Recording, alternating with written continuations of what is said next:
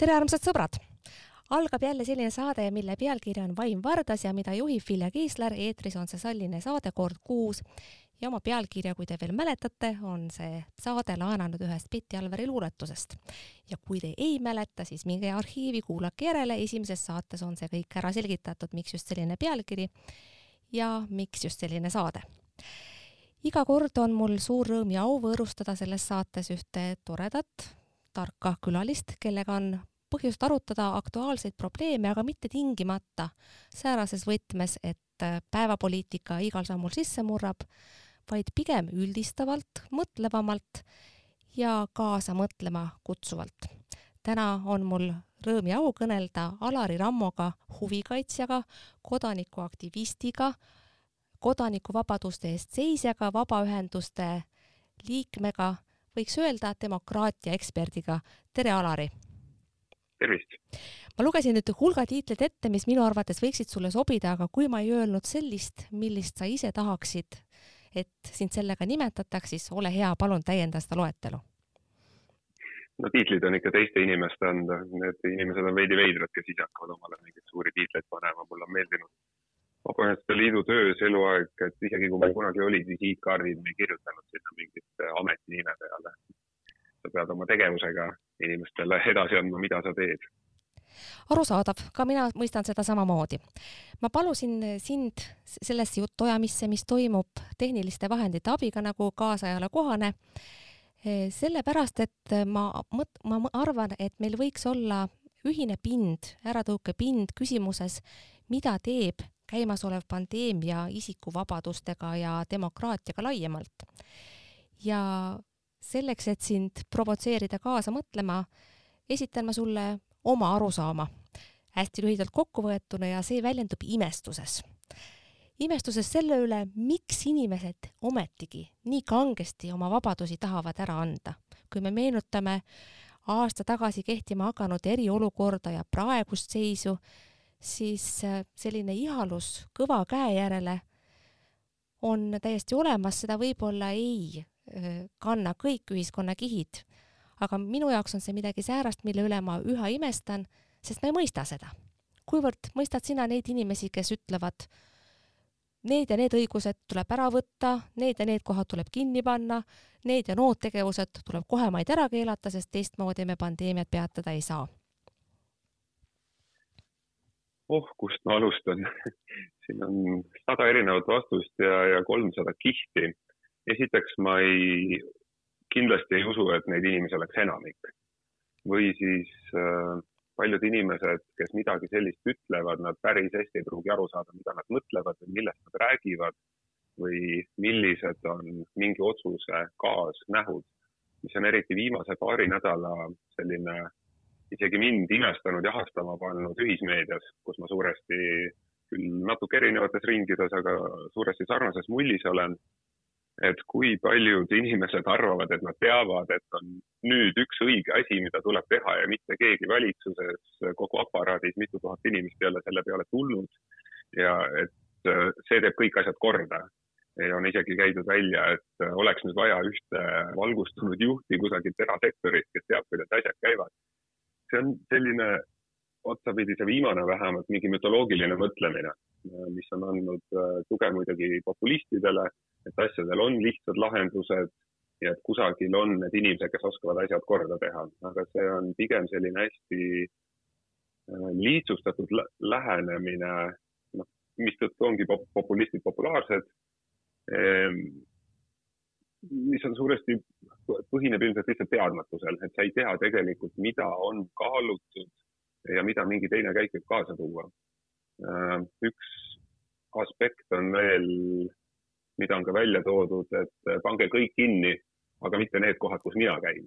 või on läinud selliseks, äh, selliseks arenguks, mida ma suht murelikult jälgin, nagu meil oleks äh, mina ees viimane Titanicu päästepaat ja kõik on täiesti elu-surma küsimus, kõik peaksid olema üksteise kõri kallal, sest kui sa seda ei ole, igaüks ei seisa ainult iseenda ees, siis sind ei päästa mitte keegi. et seal on väga palju, ma arvan, erinevaid põhjuseid, kus ma kindlasti pole ekspert, et miks mingid inimesed niimoodi arvavad. aga isegi, kui nüüd kohe hakata nimesid nimetama, isegi EKRE valijad, need viisteist, kakskümmend protsenti Eestis, äh, ma ei usu, et nad tahaks keegi sellist riiki, mida EKRE juhtfiguurid oma lihtsate loosungitega välja karjuvad, et teeme seda, teeme toda. kui inimesed vähegi aru saaks, et kellegi teise vabaduse piiramine hakkab tõenäoliselt mingil hetkel ka nende enda vabadust piirama, siis nad ei oleks nende asjadega nõus. aga see, et saada selles keerulises maailmas aru seostest, kuidas inimeste vabadused on omavahel seotud, see nõuab teatavat rohkem süvenemist või see karikatuur, mis iga natukese aja tagant internetis välja lipsab, et äh, kallis, tule vaata, ma guugeldasin ühe asja, mille peale ükski arst ega teadlane ei ole tulnud veel. ei, sa, Toivo, sa ei guugeldanud seda asja välja, sest need inimesed on aastakümneid töötanud nende asjadega ja see on nii ebatõenäoline. aga inimesed, noh, kriisi ajal kriisi ajal tehaksegi emotsionaalsemaid otsuseid, ma arvan, ja eks kriis, öeldakse ju, toob heades välja parema ja halvades halvema. et eks, eks see segapuder on mingis, mingis mõttes paratamatu, aga kindlasti ma saan arvata, et, et enamus nüüd on kindlasti vabaduse piiramise poolt.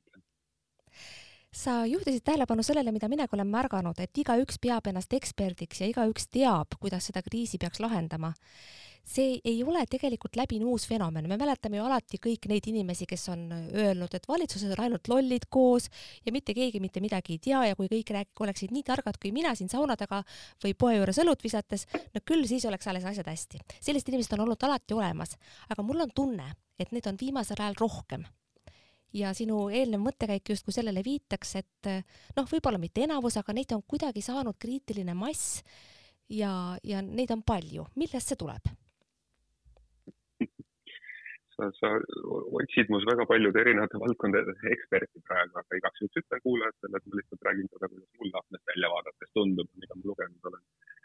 ma arvan, et neid inimesi ei ole oluliselt juurde tulnud, sest ei saa ju, ma ei tea, millega seda mõõta, PISA testidega eestlased ei ole kindlasti lollimaks läinud. Äh, need inimesed on lihtsalt häälekamad olnud viimane kümme aastat. Äh, õudselt lihtne on ju kõike välja öelda selle Twitteri ja, ja Facebooki ja kõigi uute keskkondade ajastul ja sul ei ole seda, seda alko või mölalukku kusagil peal. osad asjad inimesed hommikul kustutavad ära, mis nad öösel kirjutanud on, võib-olla kui on kaks viskit liiga palju saanud, väga prominentsed inimesed, kes seda teinud on. ma arvan, et nad torkavad meile lihtsalt silma ja siis natuke rahumeelsemad inimesed lähevad omakorda sellest värevile, et kas tõesti kogu Eesti on lolliks läinud kas kõik on järsku maskivastased ja vaktsiinivastased ehk siis noh, teadusvastased tegelikult äh,. mingis mõttes on ju õige kõiges kahelda ja kogu see, ma ei tea, tõe ja vale tasakaal või, või kui kaua kahelda ja kust kedagi usaldada äh,. ma arvan, et noh, see on olnud probleem aastaid ja kriis mingis mõttes võimendab seda, aga ma arvan, et rahuneb maha jälle et enamik inimesi on ikkagi rahulikud ja mõistlikud ja rahu armastavad ja sõbralikud ja, ja usaldavad teisi valikuid. et, äh, et see ei ole mingi asi, mis nüüd jääb elu lõpuni niimoodi, et ega inimesed ei taha ju närvi minna asjade peale. aga kui siin öeldakse, et selline jälle stammväljend, et ah, valitsuse kommunikatsioon on nii halb ja sõnumid võiks selgemad olla. nii kui sa jõuad mingi selge sõnumiga välja, on kohe sellele mingi, mingi vastaskaal, noh, mitte päris Newtoni kolmas, aga aga kohe on ju kogunemas see grupp, kes ütleb, ma ei taha neid reegleid täita, see asi ei ole õige. Äh, Jüri Saar või kes kusagil ütles, et selline kõigi, kõige vastaste inimeste grupp, et see tegelikult jääb kusagile viie protsendi peale ühiskondades. et äh, ma nagu ei näe põhjust, miks see peaks püsivalt suurenema või pidama jääma Eestis no valitsusega rahulolematus oleks haripunktis nii või teisiti, sest need probleemid, mida valitsusel praegu tuleks lahendada või mille lahendamist valitsuselt oodatakse, ongi erakordselt keerulised. pandeemia on oma tipphetke saavutanud ja noh, me ei tea, võib-olla saab minna veel palju halvemaks ja me ei kujuta seda lihtsalt praegu ette aga aga vaieldamatult ongi valitsus keerulises olukorras. kuid sa nimetasid kahtlemist kui inimesele omast joont ja mulle tundub, et see kahtlemine on pandeemia käigus kuidagi ka nähtus, mis süveneb. olen märganud seda isegi iseenda pealt. et äh, nagu paljud teisedki, reageerin ma uudisvoole, milles ma ju olen pidevalt, omades mõtetes väga kiiresti ja noh, alati ma langetan ju nagu teisedki inimesed arvatavasti mingisuguse otsuse, see on hea, see on õige, see on vale, nii ei peaks olema, nii peaks kindlasti olema, isegi siis, kui ma seda kindlasti ei väljenda. aga ma olen märganud, et järjest enam vaatan ma seda uudisvoogu ja mõtlen, ma tegelikult ei tea, kas see on hea või paha. Ja ma ei ole üldse päris kindel, kas see, mis mulle eile tundus nii vale, üldse on nii vale, äkki on ikka päris õige, ma võin ühe näite tuua. Mulle mind riivas väga tugevasti emotsionaalselt, noh, nagu on kombeks reageerida uudistele, et teade, et ähm, wifi väljalülitamisega kaubanduskeskustes oleks meil võimalik jätta kaubanduskeskused avatuks pikemaks ajaks. noh, praegu see on juba eilne päev, kaubanduskeskused suletakse. mulle tundus see erakordselt rumal mõte, sest igaühel on ju 4G taskus, isegi lastel. no mõtlesin oma laste peale, neil on see ju olemas, ma, ma ei tea, et nad käiksid poes selle, selle eesmärgiga, et seal videosid vaadata. aga märkasin sotsiaalmeedias, et ähm, paljud pidasid seda erakordselt mõistlikuks. ja siis ma jälgisin neid debatte ja mõtlesin kaasa ja leidsin, et ilmselt selles ongi iva. kustutasin oma esialgse postituse ära.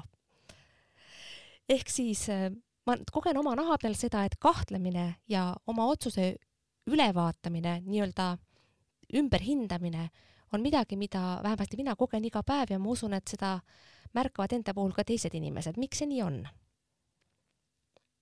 varem ma mäletan, et ma ikkagi püsisin ühe arvamuse juures kauem, mitte nii, et täna mõtlesin nii ja homme naa ja ma usun, teised inimesed samamoodi. See on ju väga positiivne, see näitab ju avatust, et me oleme valmis uuele infole, iseasi, kas uus info on nüüd adekvaatne ja, ja põhjendatud või teadusega põhitatud või mitte. Selle wifi ja kaubanduskeskustega oli jah, päris huvitav, ma kellegagi läksin ka vist väiksesse konflikti kuskil Twitteris. Ähm, esiteks äh, mulle meeldis see, et kuskil Twitteris tuli välja aspekt, millele ma ei tea, kas valitsus oli mõelnud, et koos wifi'ga taheti ära võtta ka toolid kaubanduskeskustest, et noored ei saaks hängida. Äh, ja siis toodi välja, et oot-oot-oot, mu vanaemal on see ainus võimalus üldse poes käia, ta saab vahepeal kusagil oma takumit toetada ma täna hommikul enne kümmet jõudsin ühte kaubanduskeskusse, kus üks mutike istus mingi hästi imeliku serva peal Maxima ees, kus see trepp üles läheb ja ootas, et see trepp lahti tehakse, siis palus turvameest, et seda püsti aitaks. et äh, kõik mingi ala spetsialistid ei pruugi selle peale tulla, mis aspekte on veel vaja üldse arvestada. et ongi kujutad ette, et nii me saame noortekampadest lahti, äkki seal siis viirus ei levi, mõtlemata üldse, kuhu need noored edasi lähevad. või seda, kui vajalik neile see omavaheline suhtlemine seal kambas on, kuidas see nende vaimsele tervisele võib mõjutada, kui nemad kuskile koju tagasi tekivad ja nii edasi. et ei tule mingite asjade peale just seesama negatiivne kaas, kaasmõju, mida, mida ma enne mainisin.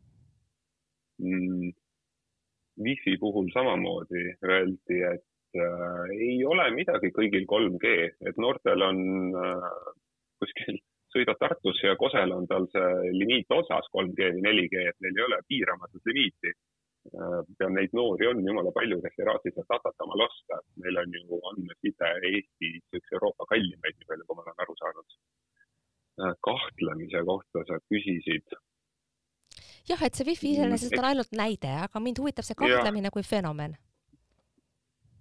Mm, mina vahepeal mõtlesin et okei okay,, äh, nagu me kõik ilmselt mõtleme, et me peame valima kellegi, keda me usaldame. kas sa usaldad valitsust või sa usaldad teadusnõukogu või mingit nende kombinatsiooni, usaldad oma vanemaid, sõpru, keegi, kes on äkki kuidagi teadusliku taustaga? Või siis usaldad äh, mingeid Telegrami tüüpe kedagi me ju valime omale tavaolukorras ja valime eriti kriisiolukorras, et mis infot siis tõe taha võtta, sest kõike sa ei jõua ise läbi töötada.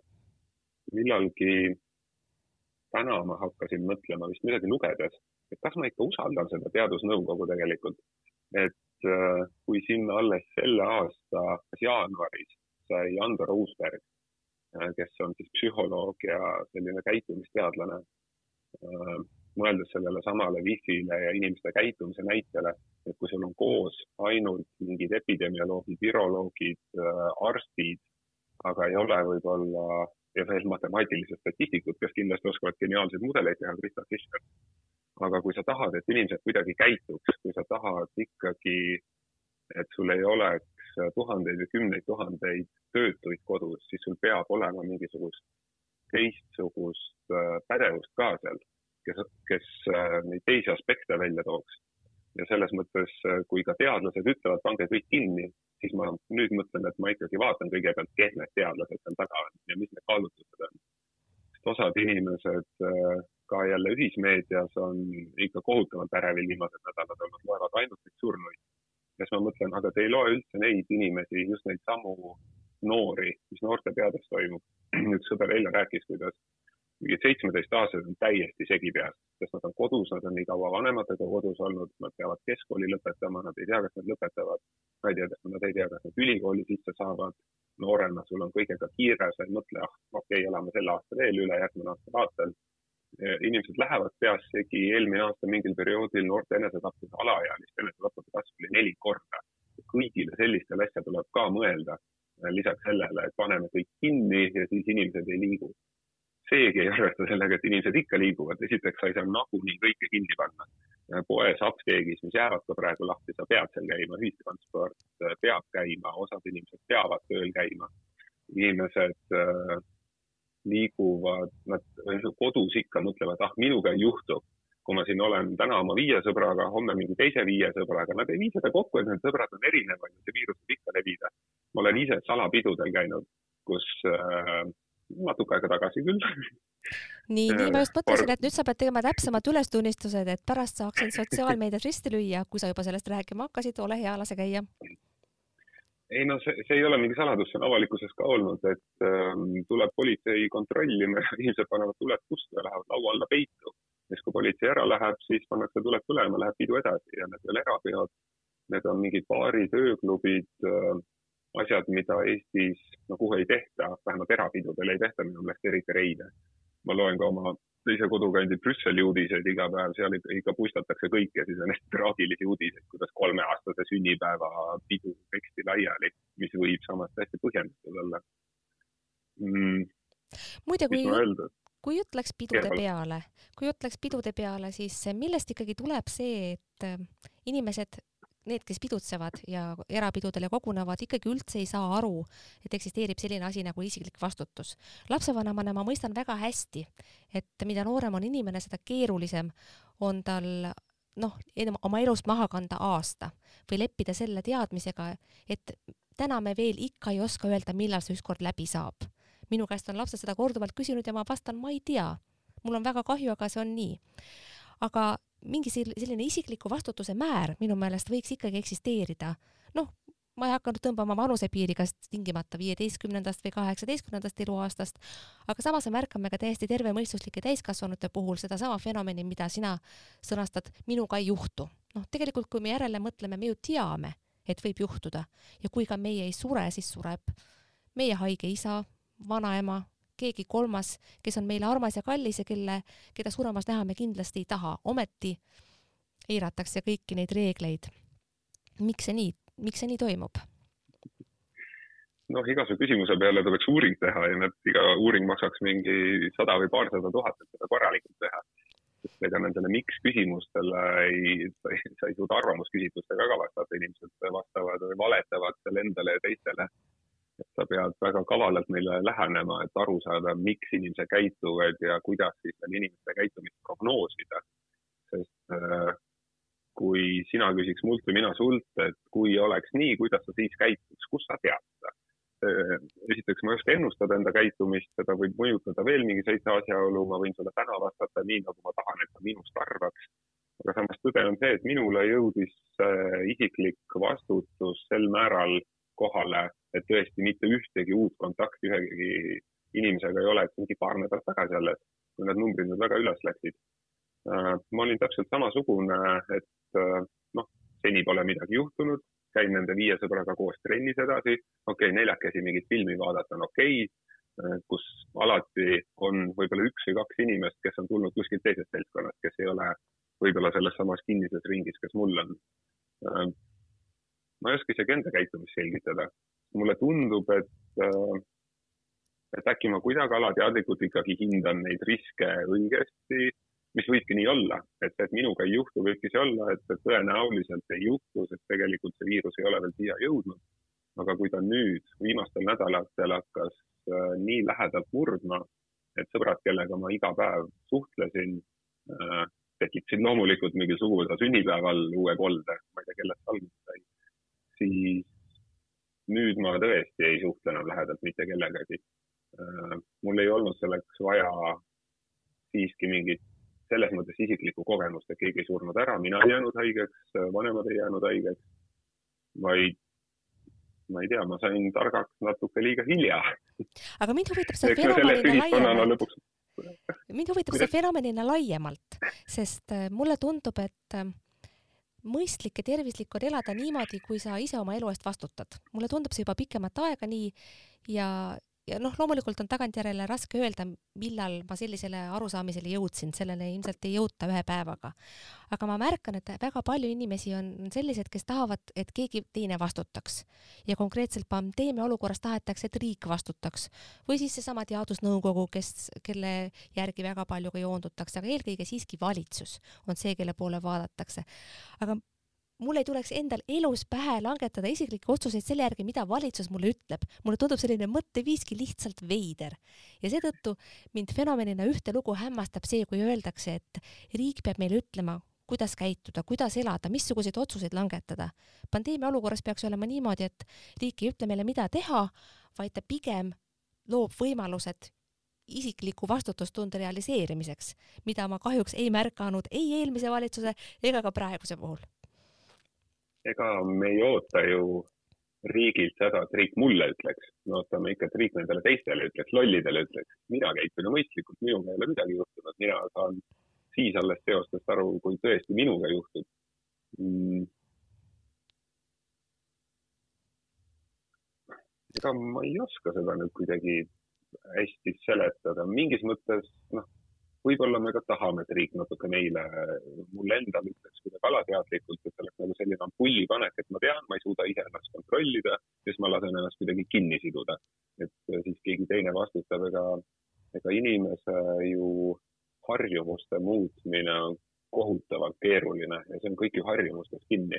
üks asi on see, kui sa pead tööl käima, aga harjumused, mis on tegelikult vajadus, on ju teiste inimestega suhelda, teiste inimestega näost näkku suhelda ega see, et meil on kopp ees sellest viirusest või väsimusest või karantiinidest, ei ole ju lihtsalt mingisugune selline, et meil on mugavusest kopp ees. meil on mingisugused vajadused inimestena, sotsiaalsed vajadused ja, ja. Need ei kao kuhugi. üritan mõelda veel sellele riigi käskudele, keeldudele seda ütlesid sa õigupoolest tabavalt, et käsud on ju rollidel, aga ükski ei pea ju iseennast lolliks, lollid on ikka teised. see on iseenesest tabav määratlus. oi, see, mis siin,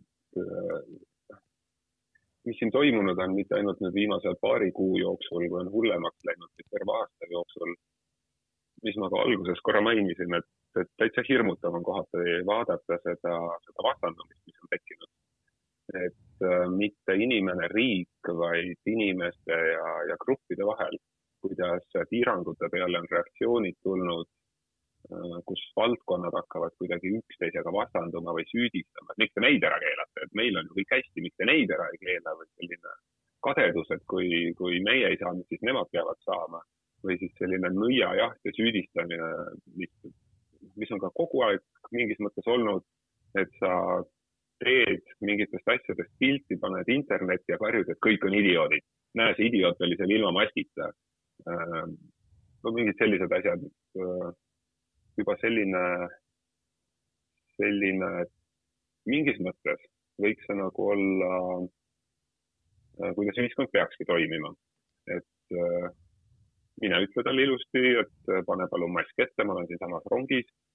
et me üksteist kultuuriga kutsume korrale, aga kuidas see ühismeedias käib, see käib suht-, see käib karjumise kaudu ainult. ja ma ei saa aru, kuidas sa saad kedagi veenda sellega, et sa röögid, et ta on idioot, sa paned ta pildi internetti, sa karjud, et mingid terved grupid on idioodid. Noh, loomulikult nendes asjades, mida sa ise ei tee, mis eelmine aasta, kas te tõesti ei saa nagu ilma spordiklubita nüüd kaks nädalat olla, mis teil viga on, nagu olge kodus, lugege raamatut mõned inimesed ei saagi olla, mõnel inimesel on nii vaja neid igapäevaseid rutiine, et jälle ise mitte segi minna. nii palju asju sellest on vaimse tervisega seotud. ja siis ma, ma ei saagi aru, kuidas nagu osadel inimestel äh, kaob nagu igasugune empaatia ära või et keegi ei küsi neid küsimusi, nagu sina praegu küsid äh, minu käest, kes ma peaks oskama justkui kõigi eest vastata, et miks inimesed niimoodi käituvad. mõtle, et miks tal seda maski ei ole, äkki ta põdes just läbi ja arvab, et tal pole vaja. äkki, äkki tal on astma või mis need vastunäidustused maskile on, et see ei tähenda kohe, et ta on idioot. isegi siis, kui ta, kui tal on mingisugune piiripealne veendumus sellest, et kas maski kanda, mis on väga, väga populaarne näide, siis äh, sa, on, kas ta on siis piiripealsem või kuskil äärmuslikum, mida äärmuslikum on, seda ettevaatlikumalt sa pead üldse lähenema sellistele inimestele, et nad oma mingeid arvamusi või veendumusi muudaks, sa saad seda ainult mingite kuulamisvõtete ja praktikate kaudu, kindlasti mitte sellega, et sa isegi, kui sa ka, ka ei karju ta peale, vaid sa lihtsalt lähed talle, ütled, et nii, see on fakt.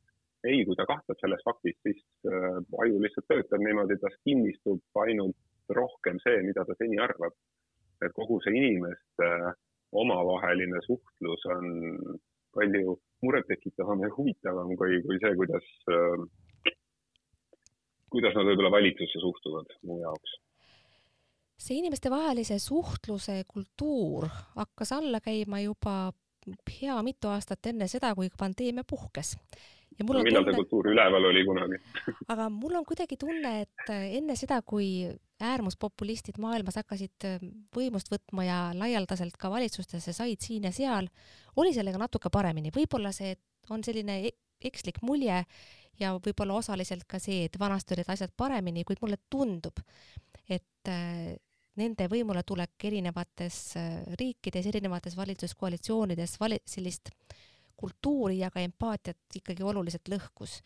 ja juhul, kui sa peaksid selle eeldusega nõustuma, kas, ähm, kas siis võiksime edasi mõelda selles võtmes, et ähm, kas me selles pandeemias, kus kired lõõmavad ja kõik tahavad olla kõige targemad ja teavad kõiki lahendusi, kas, kas see oleks kuidagi teistmoodi, kui see suhtluskultuur ei oleks juba enne saanud valusaid kabjahoope, kas me saaksime sellega vaimses mõttes paremini toime kui meil oleks natukene rohkem empaatiat alles, mul on tunne, et viimaste aastatega me oleme seda siiski kaotanud laialdaselt.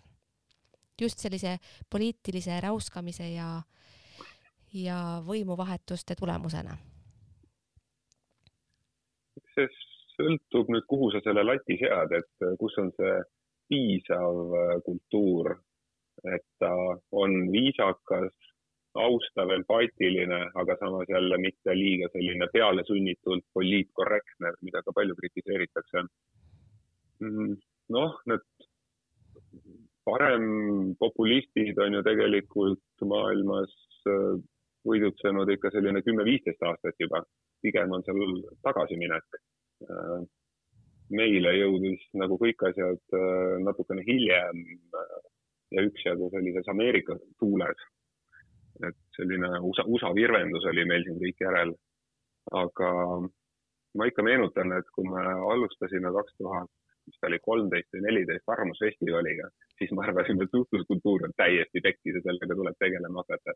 siis ei olnud äh, veel kooseluseadust, siis ei olnud pagulaskriisi, ammu seda, seda tänast äh, kõiki neid äh, piiranguid ja pandeemiat, mis, mis on ilmselt, ilmselt ma ei taha küll neid termineid üldse või võrdlusi kasutada, aga no lähemal igapäevaelu segamisele oli tõenäoliselt viimane sõda.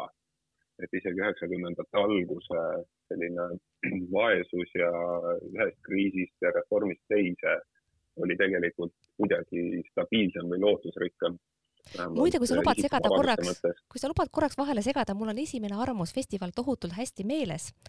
ja, ja kui sa ütled, et see sündis eeldusest, et arvamuskultuuriga on lood kehvasti, siis praegu tagantjärele tundub, et siis oli veel hästi. aga mida ma esimesel Arvamusfestivalil mäletan, oli see, et parimad nii-öelda debatid ei sündinud sugugi mitte teineteise või üksteise kuulamises, vaid ikkagi sooloesinemistes et need, need, need sõnavõtud, mis meil on sealt meeles, ei sündinud mitte sellest, et keegi kuulas kedagi laskis ennast inspireerida ja vastas kellelegi, vaid need olid valmis mõeldud sooloesinemised juba siis?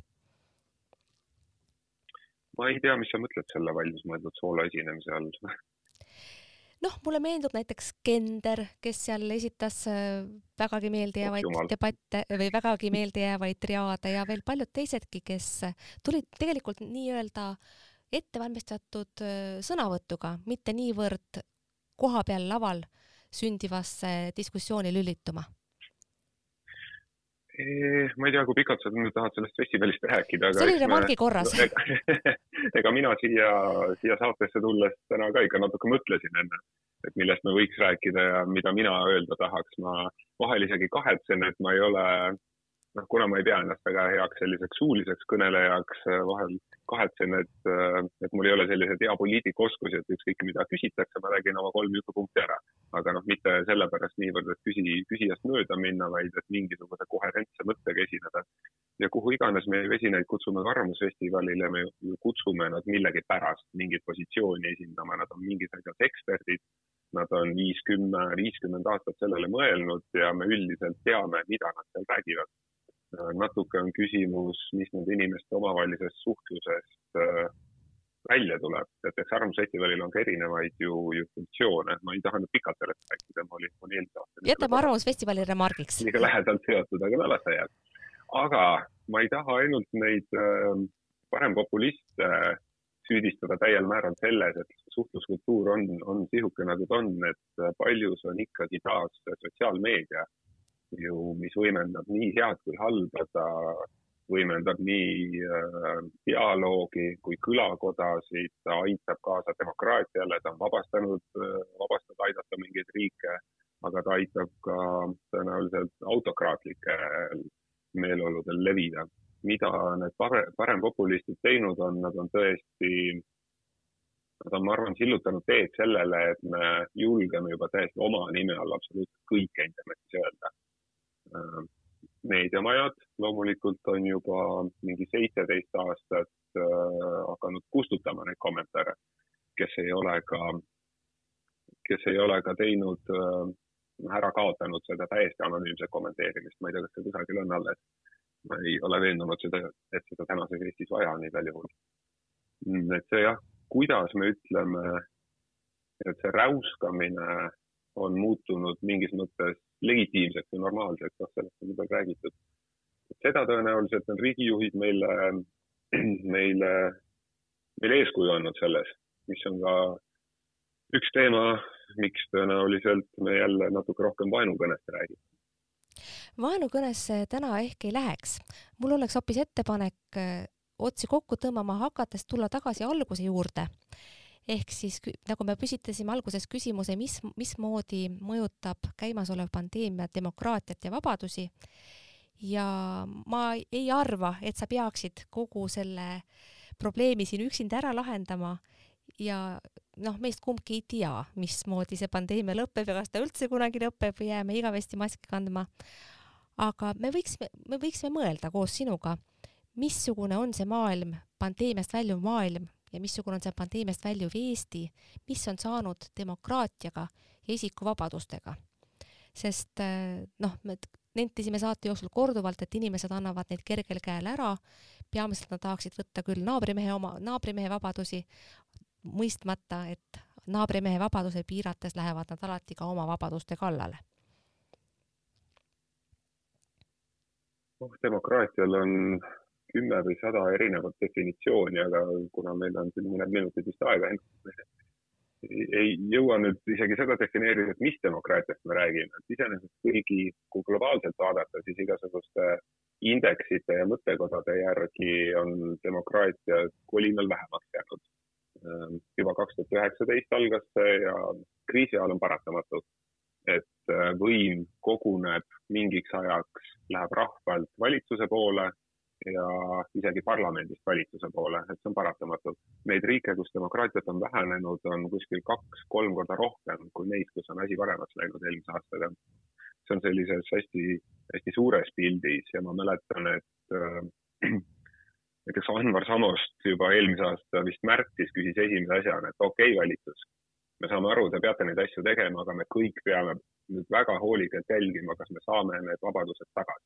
mul on see väga no, hästi arvan... meeles mulle läks see korda. mina, jaa, aga mis, mis jälle on olnud naljakas, okei okay,, võib-olla mingis minu väikses mullis nelja inimesega, aga kellegagi mul oli vist eile-üleeile Twitteris vaidlus õiguskantsleri teemal, kuidas järsku, järsku hakati ründama muidu väga sellist äh, legitiimset ja austusväärset ja ametit nagu õiguskantsler, kes on alati tundunud kuidagi põhjendatud, selge pilguga. Ähm, ja nüüd, nüüd järsku mingid inimesed, täiesti arukad inimesed, mis mind eriti hämmastab, väidavad, et oot-oot-oot, mis äkki aitab nüüd sellest põhiseadusest, et kuule, meil on kriis käes. aga see on just täpselt see, mille jaoks on meil see checks and balances või võimude lahusus ja põhiseadus selliselt tehtud, et õiguskantsler ongi see, kes peabki ükskõik mis hetkel põhiseaduse eest seisma et me need vabadused tagasi saaks, et ühtki vabadust asjata ei piirataks. Äh, aga järsku mingid inimesed on, on selleks valmis, et me tõesti võime nüüd mingisuguse ühise üldise huvi nimel hästi põhjendamata hakata vabadusi ära võtma. see on nagu see, millest Ülle on minu meelest kogu aeg rääkinud, et iga piirang on põhiseaduse riive, iga piirang peab olema põhjendatud. jah, mingi osa vaidlusest käib sellest, et kas maskid on nüüd teaduslikult tõestatud, mitu protsenti nad kaitsevad. aga jälle, kui me, jah, see, mis ma ütlesin, et, et kui me oleme isegi valmis nagu põhiseaduse korraks ära unustama, siis ma ei ole kindel, kas mida see nagu tulevikuks võib tähendada, aga tulevikudemokraatiat muidugi, muidugi tõenäoliselt mõjutab palju rohkem tehnoloogia üldse, kus me selle kriisiaastaga oleme üksjagu arenenud, mingid inimesed äh, isegi vaatavad kümne-kahekümne aasta peale ette ja ütlevad, et ega masinad saavad nii targaks, et inimesed ei peagi enam nii palju osalema, kaasa lööma, et, et, et mitte ei ole küsimus selles tasakaalus valitsuse ja rahva vahel, kuidas demokraatiat teostatakse, ühiskonda või riiki juhitakse, vaid sinna tuleb veel, veel kolmas komponent, äh, masinad, millele me täna ilmselt väga hästi ei oska mõelda. aga oma töös kodanikuühiskonna ehitamisel või, või demokraatia juures, noh, kui mul nagu hakkab ka katus sõitma juba, et kuhu me läheme, mis sellest kõik saab, kõik läheb tõenäoliselt pekki, maailm on nahakaid täis, siis ma tulen tagasi ikka sinna, et kust demokraatia algab kust algab äh, empaatia, kust algab suhtluskultuur, see on see, kuidas äh, kaks inimest omavahel suhtlevad, kuidas äh, paaris inimesed omavahel suhtlevad. kas ma ütlen oma lastele nagu mingisuguses USA filmis, et nii, isal on teile vapustav plaan, meil on, mul on kogu nädalavahetus ära sisustatud, millele ema vaikselt allub, lapsed vinguvad, selle asemel, et isa küsiks kolmapäeva õhtul, et davai, reedeks ideekorje, mida teie teha tahate et oleks vähem näägutamist, oleks vähem tagantjärele targutamist, mis nagu, mille pärast ma esimest korda mõtlen kümne aasta jooksul, et ma ei suuda seda Twitterit lugeda, kui palju on mitte neid tarku, kes ütlevad, et kuidas valitsus peaks homme käituma, vaid kuidas ta oleks pidanud kolm kuus või kaksteist kuud tagasi käituma, mis kuradi kasu sellest on, et sa nagu, sa rikud ainult enda ja teiste tuju sellega kas sa tõesti arvad, et, et valitsus ei teeks asju teistmoodi? Kõik on inimesed, teadlased on inimesed, Irja Lutsar kohutavalt imetlusväärselt kannatlikult kogu aeg seletab seda ja, ja tunnistab ka, et meil on täpselt see info, mis meil on. Mm, kõik äh, tuleb info põhjalt, arutelude põhjalt, tänaste argumentide põhjal.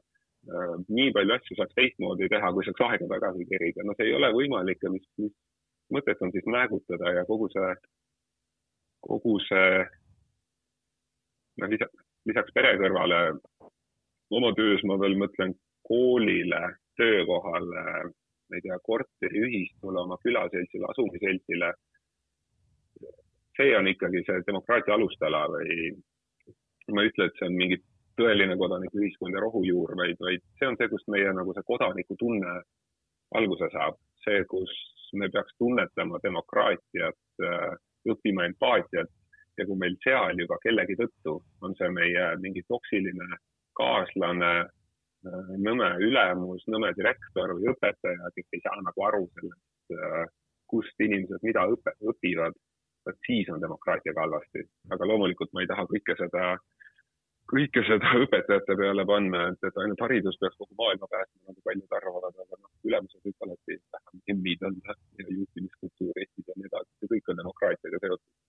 Alari, minu meelest on see igati sobiv koht saadele õpetada ja jätta just kõlama see sõnum, et kõik head asjad, demokraatia sealhulgas, algab alati inimeste vahel ja võiks ju tugineda peamiselt empaatiavõimele viimasel ajal suhteliselt kasutamata kapatsiteet inimestel, aga kui nad selle jälle endas üles leiaksid, siis leiaksid, siis oleks nende elu toredam ja demokraatiaga oleksid ka lood, lood paremini. kaks küsimust, kaks küsimust, mida igaüks peaks küsima nii paljudes olukordades. Miks teine inimene niimoodi käitub, eriti siis, kui mulle ei meeldi, kuidas ta käitub ja kõik, mis ma arvan, et ma tean, kust ma tean seda. ja kui ma võtan natukenegi mõelda neile kahele küsimusele, ma arvan, et maailm on siis parem paik demokraatia tuleb tagasi uuele hinnale. Alari Rammo suur,, suur-suur tänu selle vestluse eest. saatejuhi nimi oli Vilja Kiisler nagu eelmiselgi korral ja nagu loodetavasti ka järgmisel korral, mis tuleb juba peaaegu kuu aja pärast või natuke vähema aja pärast. aitäh, et kuulasite, kuulake teinekord jälle, kuulmiseni, nägemiseni